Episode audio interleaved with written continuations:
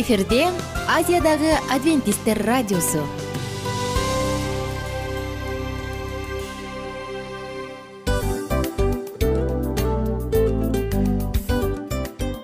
Достор салют. Баардык сүйүктүү угармандарыбызга салам айтабыз. Кутман күнүңүздөр менен. Ден соолук өмүрдүн булагы демекчи саламат саамы программасында баарыңыздарды көргөнүбүзгө абдан кубанычтабыз. Анда алгач амандашып өтөлү арбаңыздар деп. Ден соолугуңуздар кандай элибизде көбүнчө ден соолук кандай дегенде эле жакшы деп жооп беребиз э ооруп турсак дагы жакшы дейбиз. Анан мен муну айтып ойлойт элем бул абдан сонун сөз депчи анткени бул жакшы деген үмүт да э ооба баары жакшы болот баары сонун. Деп үмүттөнүп атып эле өзүбүздү өзүбүз дарылап коебуз. Анысы кандай сиздин дагы ден соолугуңуз жакшы беш деген үмүттөбүз чындыгында ден соолук бул өмүрдүн булагы деп бекеринен айтылган эмес деп ойлойм. Кыргыз элинде анткени эгерде ден соолук жок болсо анда адамдын жашоосунда калган баардык керектүү маңыздуу нерселер өзүнүн баалуулугун жоготуп коет. Ошондуктан ден соолук бул эң керектүү нерсе. Ооба туура айтасың кесиптешим. Чынында ден соолугуң жок бир эки үч күн ооруп калсаң эле э кандай болуп калат? Жашоодо көз каранды болуп каласың көп нерсеге жетишпей каласың көп нерсени кыла албай каласың жада калса эшикке дүкөнгө да чыга албай каласың. Туптуура анан ден соолук болсо демек биз биздин бактыбыз тотой деп койсок болот. Анда достор саламат саамы рубрикабызды баштайлы. Алдыда өзүңүзгө керектүү болгон сонун кеңештерди уга аласыздар. Мына ошондуктан биз менен бирге болуңуздар. Ал эми биз болсо милан жана айнура. Кеттик алга. Алга саламат саама ден соолуктун жарчысы. Саламат саама ден соолуктун ачкычы. Күн сайын сиз үчүн мыкты кеңештер сонун жаңылыктар кызыктуу фактылар биздин рубрикада.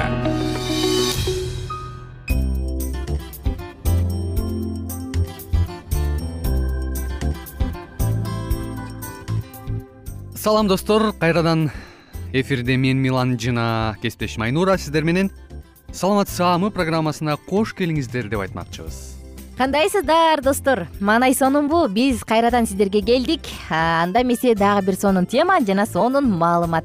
Бүгүн биз скандинавиялык басуу же болбосо скандинавская ходьба деп коет орус тилинде мына ушул жөнүндө сөз берели. Сөз кылалы. Басканды жакшы көрөсүзбү? Анда бүгүнкү маалымат сиз үчүн. Балким сиздер ойлоп жаткансыздар окшойт. Бул эмне болгон бале деп скандинавская ходьба. Жүгүргөндү билебиз бул эмне экенин басканды бирге чыга элек деле баскам деппи бирок чындыгында бизде бул жаңы жаңы гана таанымал болуп келаткан спорттун бир түрү. Бирок дүйнөдө эң эле таралган жана эң баалуу жана керектүүлөрдүн бири. Эмне себептен? Бул спорт номер один деп аталган экен. Э, анткени буну деген ар бир адам баласынан аксакалга чейин баардык карысы да жашы да кыла алат жана ден соолукка эң эле эң эле зор жакшы жардам бере ала турган көнүгүүлөрдүн бири экен. Бул скандинавиялык жөө басуу же скандинавская ходьба деп коет орусча. Скандинавиялык басуу бул палкалардын жардамы менен ишке ашат. Бул уйга сиздин боюңузга ылайыкташылган. Жакшынакай эки палка керек. Эки палканы эки колуңузга аласыз дагы анан жөнөйсүз. Албетте басууда өзүнүн эрежелери бар эмнеси менен жакшы дегенде эле скандинавиялык басууда биздин денебиздеги булчуңдардын сексен пайызы ишке иштейт экен элестетиңиз мындай бир эле учурда сексен пайыз булчуң иштөө бул бир дагы чуркоодо сүзүүдө эч нерседе катталган эмес. Бирок ушул басууда эгер туура басса баардык булчуңдар иштейт. Эгер басып баратып сүйлөсөңүз сексен бир булчуң иштейт. Ошон үчүн э, шаарда балким парктардын тегерегинде э, ушундай таякчаларын колуна алып алып э, тарс турс басып бараткандарды көрсөңүз анда алар дал ошол скандинавиялык басууну өз жашоосунда колдонуп жаткан кези. Эми өзү аты аталып тургандай эле скандинавиялык басуу бул скандинавиядан келген. Тагыраак айтканда финляндия мамлекетинин спортсмендери тээ ошол аял жерде кыш спорт түрлөрү абдан өнүккөнүн баарыбыз билебиз бирок ошол жай келгенде аларга баягы э, лыжа менен машыккан спортчулар э, баягы тренировкаларын калтырбайлы жайында дагы кылалы деп ошондой таяктарын колуна алып э, лыжалардын ордуна баягы мындай эле жөө басышып ошондой көп көптөгөн километрлерди басышкан экен. Кийин болсо доктурлар анан окумуштуулар ошонун аябай чоң пайдасын көрүп анан баардыгына тең ошону сунуштай баштайт экен. Фитнесте ошондой абдан күчтүү бул дүйнөдө негизи бул бизде скандинавская ходьба дейт э, дүйнөдө бул фин финская ходьба деген деп дагы таанымал экен. Э, кантсе дагы бул ошол э, спорт түрүнүн бир спорттук басуунун бир түрү экен. Чындыгында ден соолукка абдан жакшы пайда алып келет.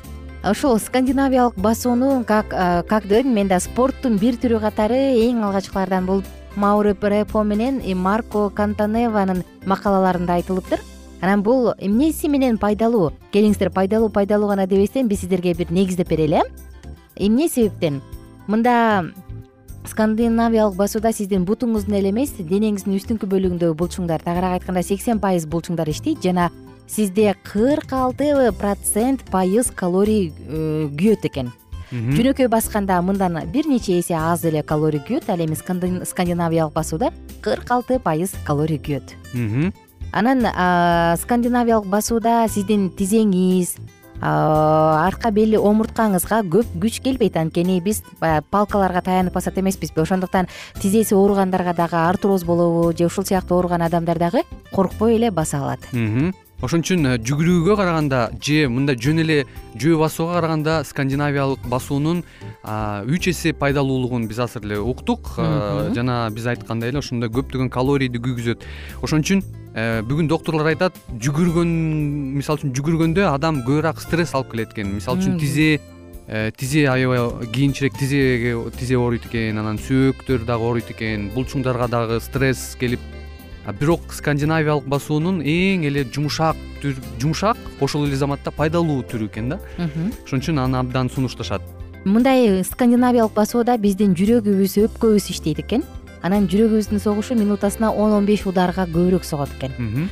Анан андан сырткары тоого чыгып эгерде тоого чыга турган болсок тоого чыгууда дагы абдан жакшы жардам берет буга эмне керек? Жанагындай таякчаларды каяктан алабыз?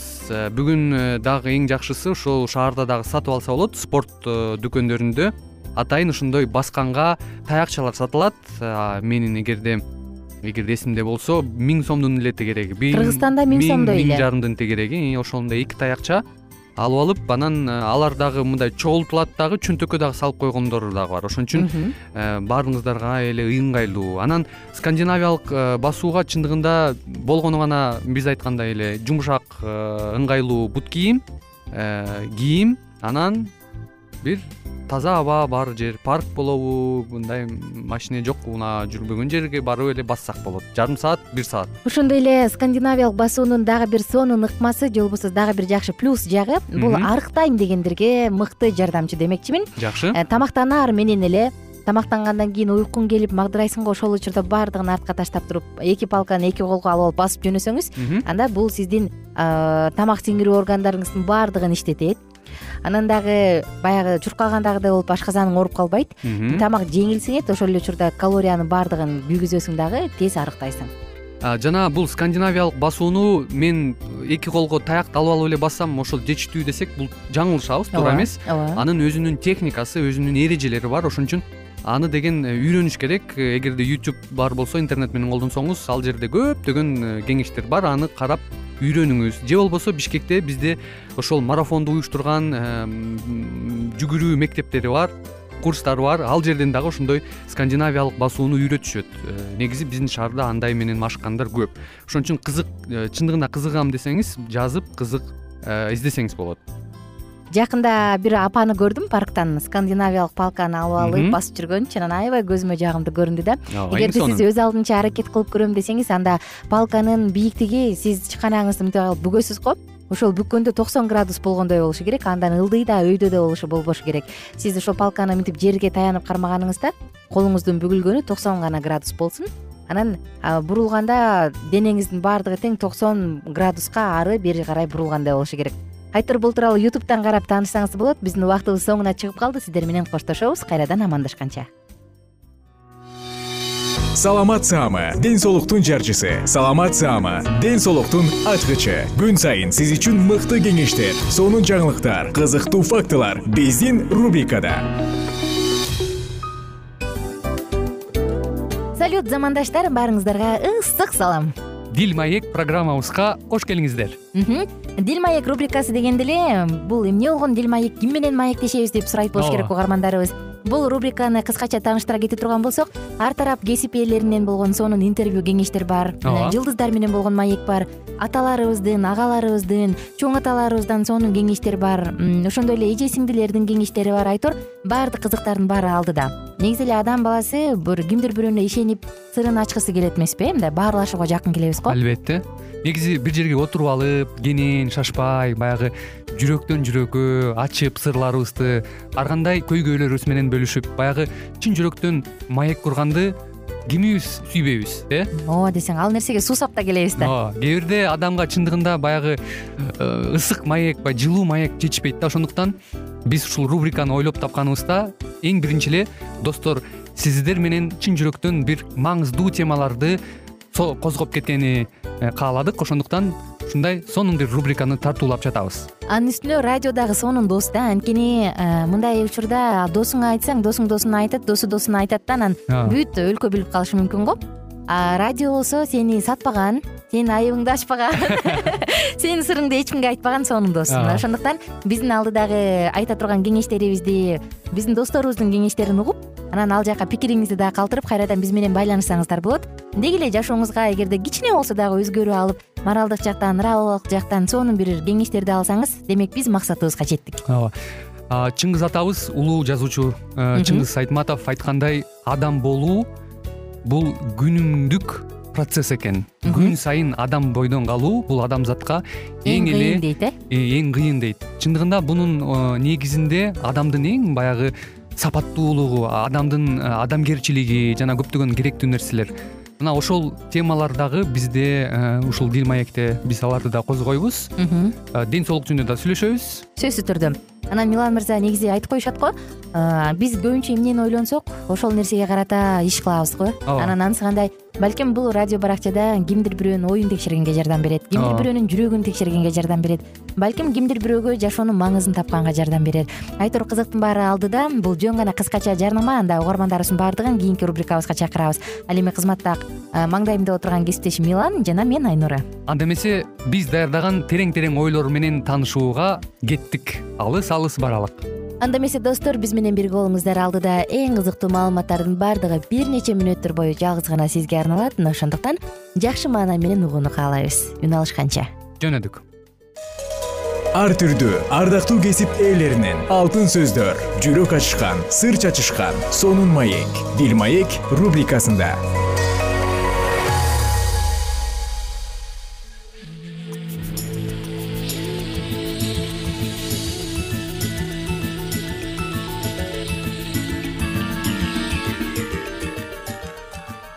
саламатсыздарбы ардактуу радио угуучуларыбыз кайрадан эле сиздердин назарыңыздарда бактылуу никенин баалуу эрежелери аттуу программабызды баштамакчыбыз. Бүгүнкү программабыздын чыгарылышында кайрадан эле биз сиздер менен дал ушул үй бүлө жаатына багытталган бир туугандар менен жакшы мамиледе болуу деген аталышта теманын алкагында сөз кылмакчыбыз. Андыктан бүгүнкү темабызда биздин ободон алыстабай биз менен биргеликте болуңуз. Кызматыңыздарда кайрадан эле мен улан кубанычбеков жана ошондой эле менин кесиптешим саламатсыңарбы жана мен айсель мамбетова. Бир туугандар менен жакшы мамиледе болууда кандай эрежелерди колдонуу керек бир нече кеңештерге назар салыңыз. Эркек менен аял баш кошкондон кийин өзүнчө үй бүлө болушат. Андыктан ата энеңерди мурункудай эле жакшы көрүп урматтап сыйлай берсеңер да турмуш кургандан кийин силер үчүн жер бетиндеги эң баалуу киши өмүрлүк жарыңар болуп калат.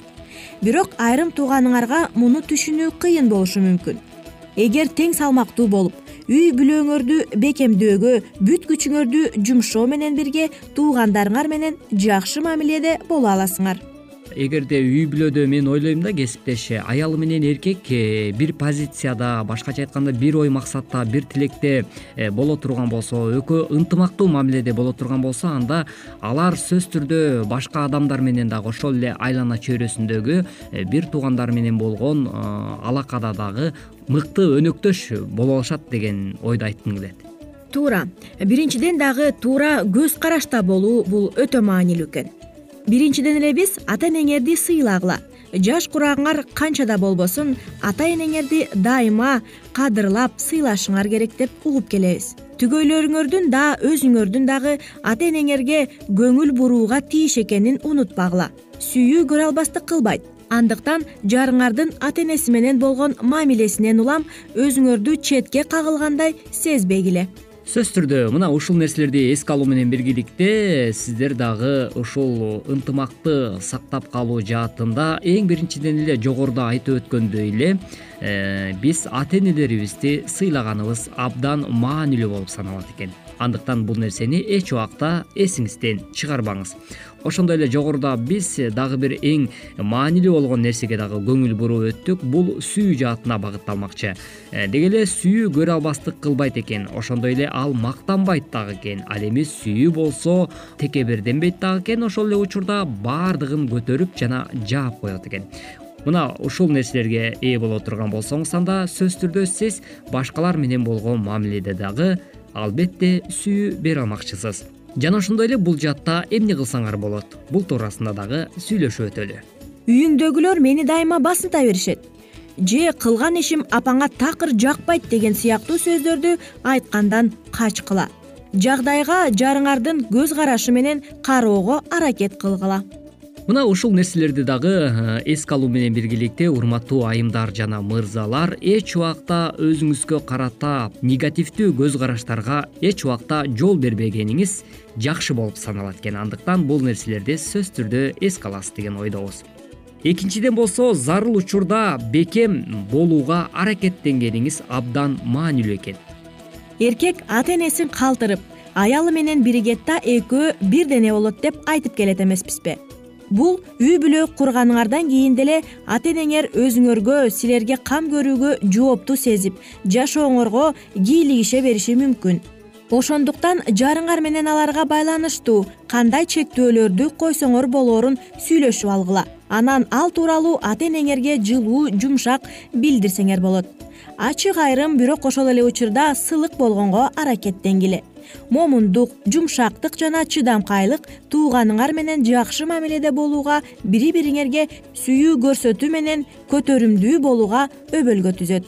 Албетте мына ушул нерселерди дагы жашооңузда эске ала билүү дагы абзел экен. Андыктан бул нерселерди көңүл чордондо калтырбаңыз.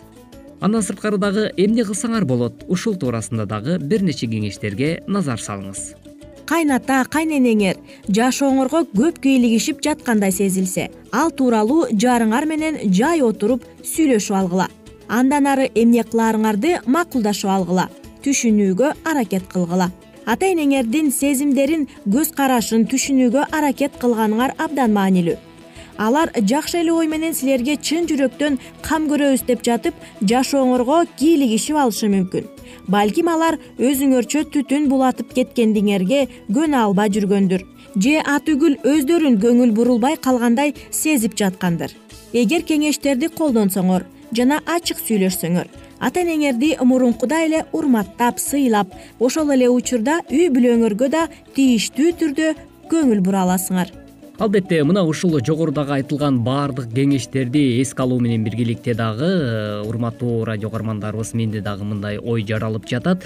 Негизинен эле үй бүлөлүк жаатта бир туугандар менен тууган туушкандар менен карым катнашты ошондой эле ата энелерибиз менен болгон э, карым катнашты дагы э, жакшы нукка бурууда биз негативдүү көз караштардан алысыраак болгонубуз абдан маанилүү деп жогоруда баса белгилеп өттүк. Андыктан келиңиздер биз негативдүү көз караштарга жол бербестен тескерисинче позитивдүү көз караштарга чөмүлүп жана ошол туурасында көбүрөөк ой жүгүртө берели деген тилегибизди билдиргибиз дагы келет. Ошо менен биргеликте адатта дагы э, жаш түгөйлөр бул туурасында дагы ойлонуп көрүүлөрү абдан маанилүү болуп саналат экен. Биринчиден кайната кайненемдин биздин жашообузга кызыкканы эмне үчүн табигый эле нерсе экинчиден канткенде жарымды биринчи орунга коюу менен бирге ата энемди да сыйлай алам деп ойлонуп көрүшүбүз керек экен мына ушул нерселерди эске алуу менен биргеликте дагы сөзсүз түрдө мунун үстүндө аял эркек биргеликте ой жүгүртүп экөө мисалы баарлашууда биздин үй бүлөдө ушундай көз караштар боло турган болсо анда биз тескери нукка жол бербестен өзүбүздүн никелик жашообузду бекемдөөдө э, жакшы нерселерге аракеттенели деген тилек менен э, албетте ушул нерсенин үстүндө биргелешип алып ой жүгүртө турган болсоңуздар анда сиздердин никеңиздер бактылуу болгонго дагы жакшы негиз болуп бере алат экен.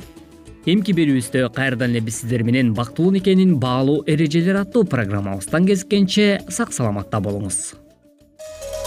Ар түрдүү ардактуу кесип ээлеринен алтын сөздөр жүрөк ачышкан сыр чачышкан сонун маек дил маек рубрикасында жан дүйнөңдү байыткан жүрөгүңдү азыктанткан жашооңо маңыз тартуулаган жан азык рубрикасы.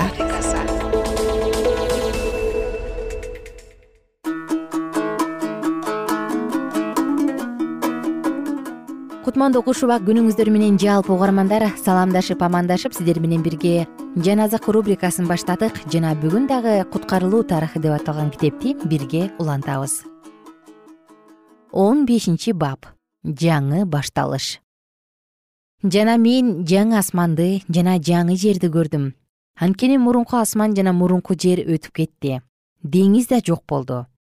Аян китеби жыйырма биринчи бап биринчи аят. Адилетсиздерди талкалай турган от жерди тазалайт. Каргыштын тагы жок болгон. Түбөлүктү жалындаган отко күйүп жок болгон күнөөнүн саркындысы калбайт. Куткарылгандарды коркутпайт түбөлүктүү кала турган бир нерсе бар. Ал биздин куткаруучубуздун керилген денесинде калган тактар анын чекесиндеги тикенектин тактары капталындагы найзанын жаракаты колундагы жана бутундагы кагылган мыктардын орду булар күнөөнүн жамандыгын эскертип турат.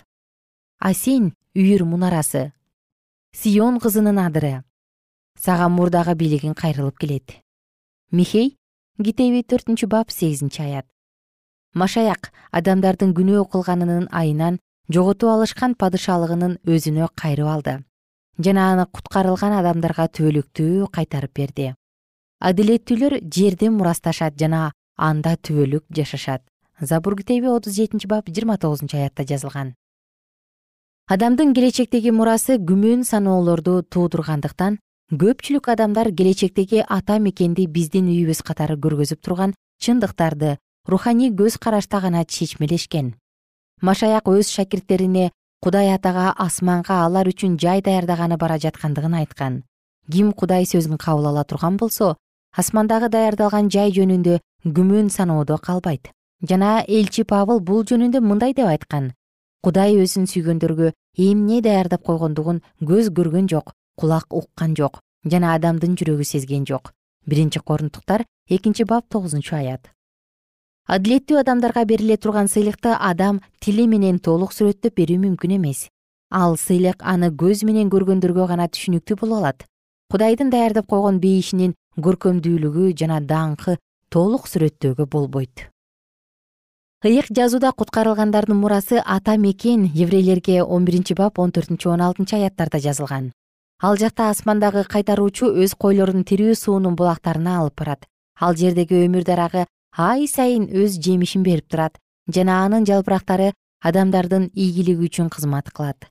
Ал жерде агып турган түбөлүктүү суулар акактай таза жана анын жээгиндеги өскөн дарактардын көлөкөлөрү куткарылган адамдар үчүн калканыч ал жердеги адырлар өрөөөндөр менен биригип кудай жаратып койгон бийик тоолор көздүн жоосун алат.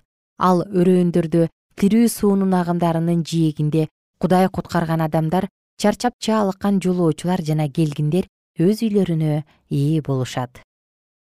Жаңы иерусалим. Жаңы иерусалим анда кудайдын даңкы болот. Анын шамы эң эле кымбат баалуу асыл ташка окшош тунук айнек сыяктуу яшма ташка окшош. Аян китеби жыйырма биринчи бап он биринчи аятта жазылган. Теңир мындай дейт. Жана иерусалим тууралуу кубанам. Өз элим жөнүндө шаттанам ышая китеби алтымыш бешинчи бап он тогузунчу аят. Мына кудайдын чатыры адамдар менен бирге жана алар менен жашайт. Алар анын эли болот.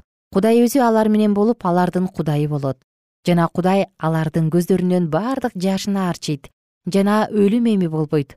Ый да өкүрүк да оору да болбойт. Анткени мурункусу өтүп кетти аян китеби жыйырма биринчи бап үчүнчү төртүнчү аяттар кудайдын шаарында түн болбойт. Эч ким чарчаганды билбейт. Кудайдын эркин аткаруудан жана анын ыйык кысымын даңазалоо адамдарга рахат берип турат. Таңкы жыпар жыт ар дайым созула берет. Ал жерде түн болбойт жана аларга шамдын жарыгынын же күндүн жарыгынын кереги жок. Анткени кудай теңир аларды жарык кылат. Аян китеби жыйырма экинчи бап бешинчи аят. Күндүн тике тийген нурун дайыма болуп турган жарык алмаштырат. Ал жарыкта аптап болбойт кудайдын жана козунун даңкы ыйык шаарды жарык кылып турат. Куткарылгандар даңкта күн нурунан тышкары түн болбогон жарыкта өмүр сүрүшөт. Шаарда мен кудай үйдү көрбөдүм. Анткени кудуреттүү кудай теңир жана козу анын үйү. Аян китеби жыйырма биринчи бап жыйырма экинчи аят. Кудайдын элинде кудай жана козу менен түздөн түз сүйлөшүү артыкчылыктары болот. Азыр биз күңүрт айнектен табышмактуу көргөнсүп турабыз деп жазылган биринчи корунтуктар он үчүнчү бап он экинчи аятта. Азыр биз кудайдын даңкын жаратылыштан жана анын адамдарга кылган мамилелерин күңүрт күзгүдөн көргөн сыяктуу көрө алабыз. Анда биз бетме бет көрө алабыз бирок ошондо курмандык козу жана кудай менен биздин ортобузда бөлүп туруучу тоскоолдук болбойт. Биз кудай менен бир болуп анын даңкына бөлөнөбүз ал жерде куткарылгандардын өтүп кетпей турган акылы куткарып алган сүйүүнүн жана жаратуу күчтөрүнүн жашыруун сырларын таң калуу менен көрүүгө мүмкүнчүлүк алат. Ал жерде кудайдан баш тартуу үчүн азгырган каардуу душман болбойт. Куткарылган адамдардын жөндөмдүүлүктөрү жана шыктары улам арта берет. Ал жерде алган билим акылды чарчатпайт денени алсыратпайт. Ал жерде улуу жаратуулар болуп жогорку умтулуулар аткарылат. Бирок андан кийин дагы биздин алдыбызда дагы өтө турган бийиктиктер токтобойт. Таң калтыра турган жаңы кереметтер акылды жана күчтү талап кылган жаңы максаттар улантыла берет. Түбөлүктө бүтпөгөн жылдар кудай жана машаяк жөнүндөгү чындыктарды улам тереңдеп түшүндүрө берет. Түшүнүк жогорулаган сайын сүйүү кастарлоо жана бакыт дагы жогорулайт. Адамдар кудайды канчалык терең түшүнгөн сайын ошончолук анын сапаттарына суктана беришет.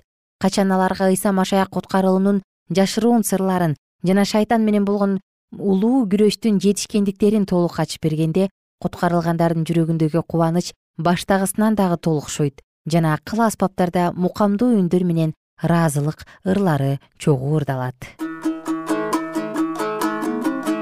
Достор сиздер менен бүгүн дагы улуу тарых китебинен куткарылуу тарыхы деп аталган сонун китептен бирге үзүндү окудук күнүңүздөр көңүлдүү улансын. Алдыда сиздер үчүн дагы сонун чыгармалар сонун маалыматтар жана сонун чындыктар сунушталат. Биз менен бирге болуңуздар. Күнүңүздөр көңүлдүү улансын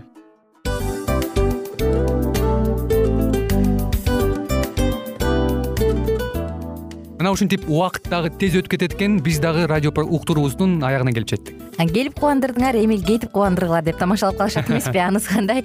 Радио баракчабызды программабызды азыр эле баштап аткандай болдук элек. Мына соңуна келдик э? Негизи убакыт э, билинбей өтүп кетет экен? Мен дагы убакыт дегенде бүгүн бир адам менен сүйлөшүп калдым. Анан убакыт бул мүмкүнчүлүк деп айтып өзүмө өзүм айтып алып анан мага өзүмө эле кайра ачылыш болду да чын эле э Э, карап отурсаң ошол эле жыйырма төрт саат ошол эле жарым саат кайталанып атат. Бирок сендеги мүмкүнчүлүк жок ошол кой берилип кетти? Анысы кандай? Бүгүнкү сонун убактыңызды алтындай болгон жарым саатыңызды бизге бөлүп арнаганыңыз үчүн ыраазычылык айтабыз. Анан жашооңуздун кайсы бир сферасын өзгөртө турган сонун пайдалуу кеңеш алган болсоңуз анда биз максатыбызга жеттик. Анан ушул нерсени кылбасам десеңиз ошол өзгөрүүлөрдү кичинекей кадамдардан баштап иш жүзүнө ашырыңыз дагы жашооңузда чоң чоң ийгиликтерге жетиңиздер чын жүрөктөн ар бир берилген кеңештер сөздөр сиздерге пайдасын алып келет деп ишенебиз. Жана кийинки уктурууларда сөзсүз түрдө чыдамсыздык менен сиздерди күтөбүз. Сагынычтуу салам айтып кайрадан дал ушул жыштыктан баардыгыңыздарды тосуп алганча кызматта мен айнура жана кесиптешим милан. Анда кол пул каалайбыз жалпыңыздарга ийгиликтүү күн. Саламатта калыңыздар